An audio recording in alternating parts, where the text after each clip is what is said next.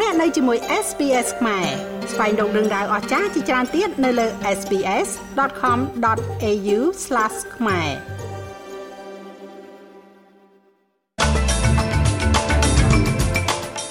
អតីតនាយករដ្ឋមន្ត្រីលោក Scott Morrison ផ្ដល់ផុសតាំងនៅចំពោះមុខរាជគណៈកម្មការស្ដីពីគម្រោងទារប្រាក់ Robodebt អ្នកធ្វើគ្រាប់បែកដែលប្រើនៅក្នុងហេតុការណ៍ផ្ទុះគ្រាប់បែកនៅបាលីឆ្នាំ2002បានសំទោសដល់ក្រុមគ្រួសារជនរងគ្រោះ ធនាគារកណ្ដាល ABA ក្រុងផែនការសម្រាប់រូបិយប័ណ្ណ Digital ជាសក្តានុពលនៅក្នុងប្រទេសអូស្ត្រាលី។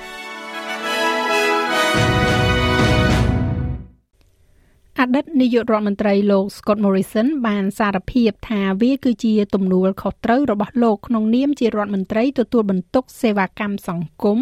ដើម្បីធានាថាប្រព័ន្ធនេះមិនត្រូវបានបោកប្រាស់គណៈពេលដែលផ្ដល់ផុសតាំងដល់រាជគណៈកម្មការស្ដីអំពីគម្រោងការទារបំណុល Robodebt ដែលបរាជ័យ។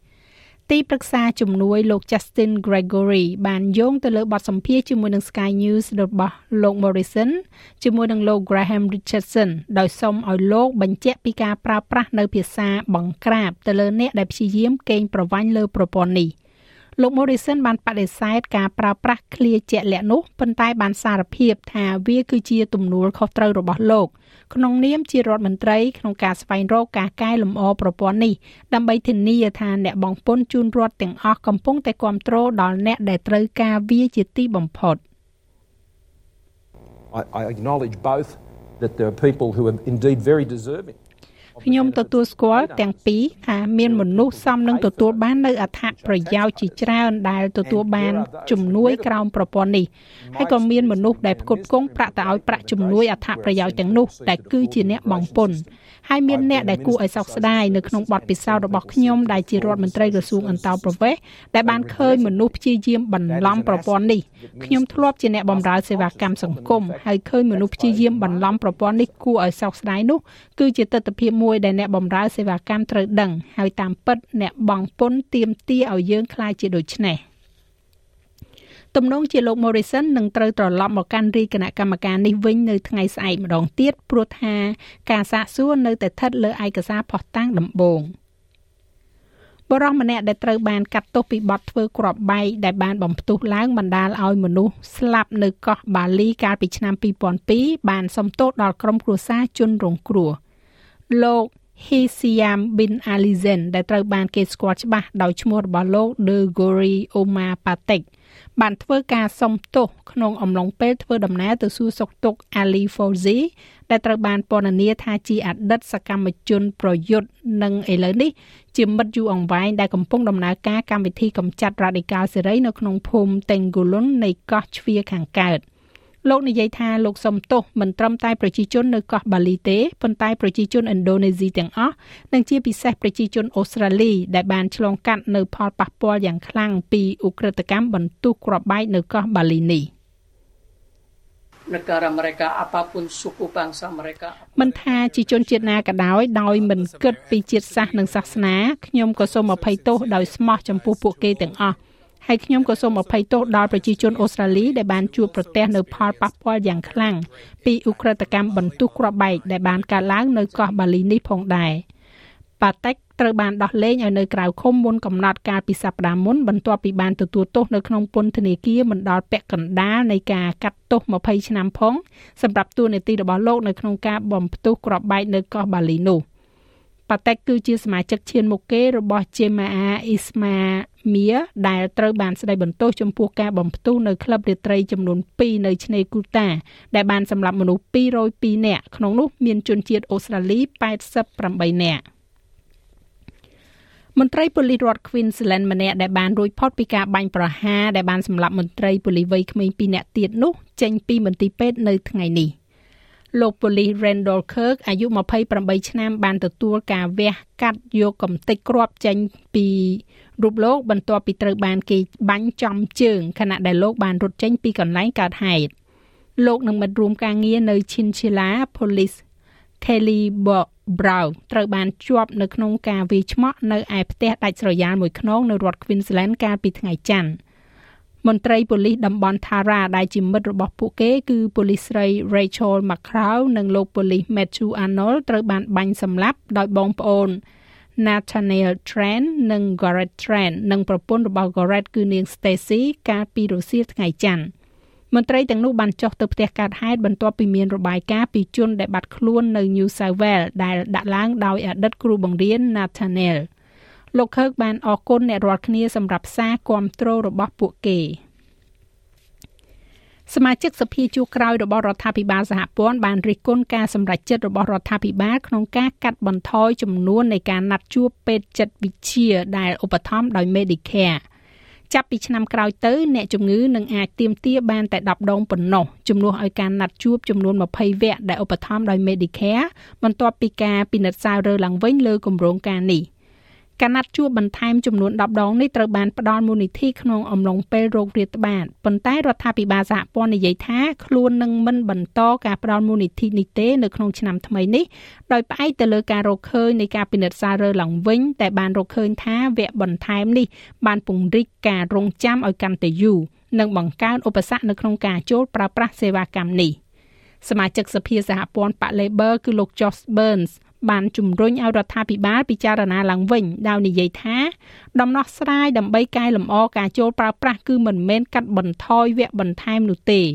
នៅក្នុងសេចក្តីថ្លែងការណ៍មួយលោកនិយាយថាវគ្គនេះកំពុងជួយដល់ប្រជាជននៅក្នុងការគ្រប់គ្រងជាមួយនឹងការកើនឡើងនៃផលប៉ះពាល់សុខភាពផ្លូវចិត្តអំឡុងពេលโรគរាតត្បាត។ ទេសាភិបាលធនាគារកណ្ដាលអូស្ត្រាលីលោក Philip Lowe បានបង្ហាញនៅព័ត៌មានលម្អិតបន្ថែមទៀតអំពីរបៀបដែលរូបិយប័ណ្ណ Digital ជាសក្តានុពលអាចនឹងដំណើរការនៅក្នុងប្រទេសអូស្ត្រាលី ABA កំពុងពិចារណាជំរើសរួមទាំងរូបិយប័ណ្ណ Digital របស់ធនាគារកណ្ដាលឬក៏ទម្រង់នៃប្រាក់ដុល្លារអូស្ត្រាលី Digital ដែលចេញដោយវិស័យឯកជន។ លោកទេសាភិបាលលោកវិញនិយាយថាធនាគារកណ្ដាលកំពុងតែរក្សាការបើកចិត្តទៅលើអ្វីដែលនឹងដំណើរការល្អបំផុត We're also looking at the pros and cons យើងក៏កំពុងតែសម្លឹងមើលទៅលើគុណសម្បត្តិនិងគុណវិបត្តិនៃទម្រង់ប្រាក់ដុល្លារអូស្ត្រាលី Digital វាគឺជាការទូទាត់កាក់ crypto ដែលត្រូវបានចេញដោយវិស័យឯកជនដូចគ្នានឹងធនាគារចេញប្រាក់បញ្ញើដែរប្រសិនបើយើងដើរក្នុងទិសដៅនេះការទូទាត់ដោយប្រើកាក់ stable coin នឹងត្រូវគ្រប់គ្រងដោយរបបនិយត្តកម្មដ៏រឹងមាំដូចគ្នានឹងរបបនិយត្តកម្មដ៏រឹងមាំដែលអនុវត្តចំពោះប្រាក់បញ្ញើដែរដូច្នេះវាគឺជាជំរើសមួយចំនួនឲ្យរូបិយប័ណ្ណ Digital របស់ធនាគារកណ្ដាល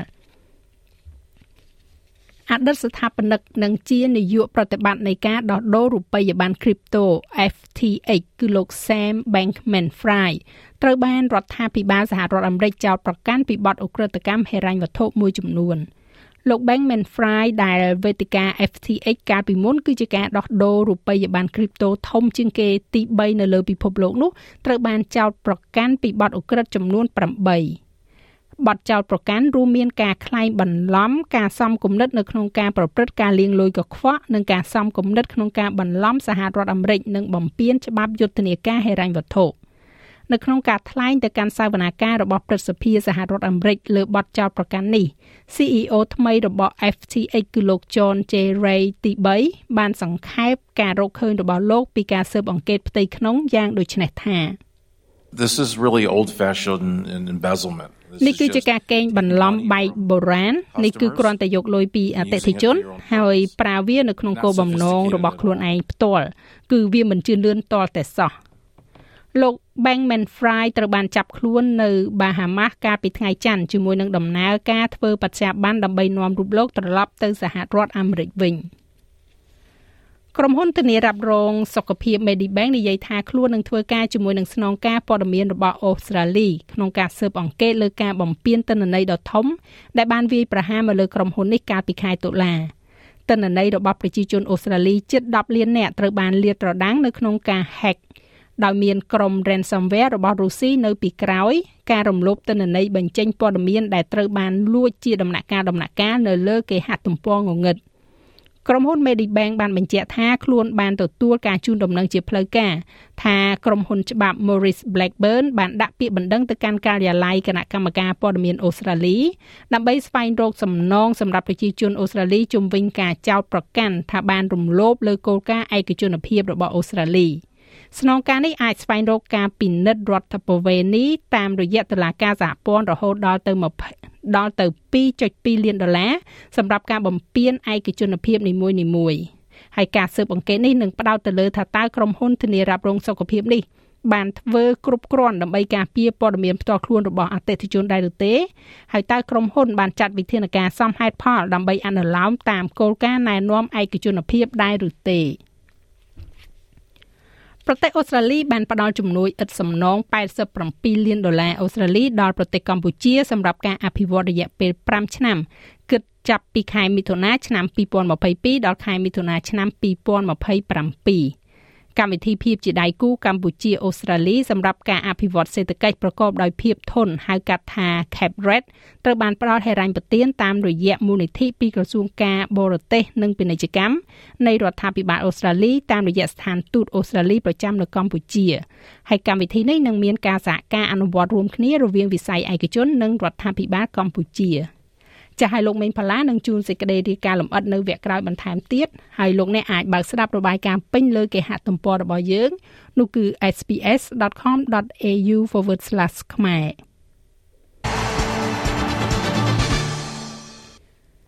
នៅក្នុងការប្រកួត World Cup ម្ចាស់ជើងឯកពីសម័យកាលអាហ្សង់ទីនបានឈានទៅដល់វគ្គផ្ដាច់ព្រាត់ World Cup ជាលើកទី6របស់ពួកគេបន្ទាប់ពីបានយកឈ្នះក្រូអាត3ទល់នឹង0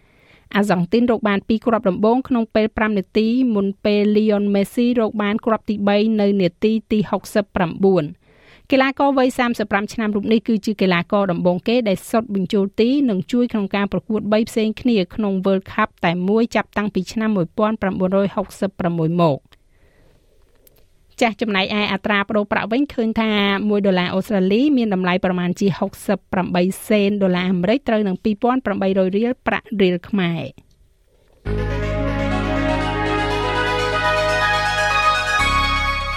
ឥឡូវយើងក៏លេខមើលការព្យាករណ៍អាកាសធាតុសម្រាប់ថ្ងៃប្រហ័សស្អែកនេះវិញ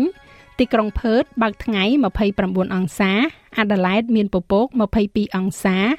មែលប៊នមានរលឹមបន្តិចបន្តួចនៅពេលព្រឹក16អង្សា ហូបាតរលឹមខ្លាំងឡើងខ្លាំងឡើង14អង្សា មានពពកដោយពេលនៅ Canberra 17អង្សា ដូចគ្នានៅ Sydney 23អង្សាក៏ដូចគ្នាដែរនៅ Brisbane 27អង្សា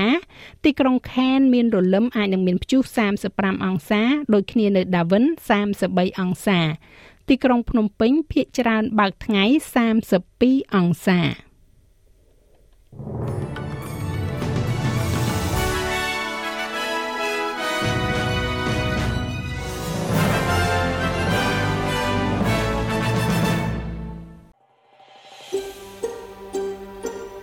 ង់ស្ដាប់រឿងក្រៅបែបនេះបន្ថែមទៀតទេ ស្ដាប់នៅលើ Apple Podcast Google Podcast Spotify ឬកម្មវិធីដទៃទៀតដែលលោកអ្នកមាន។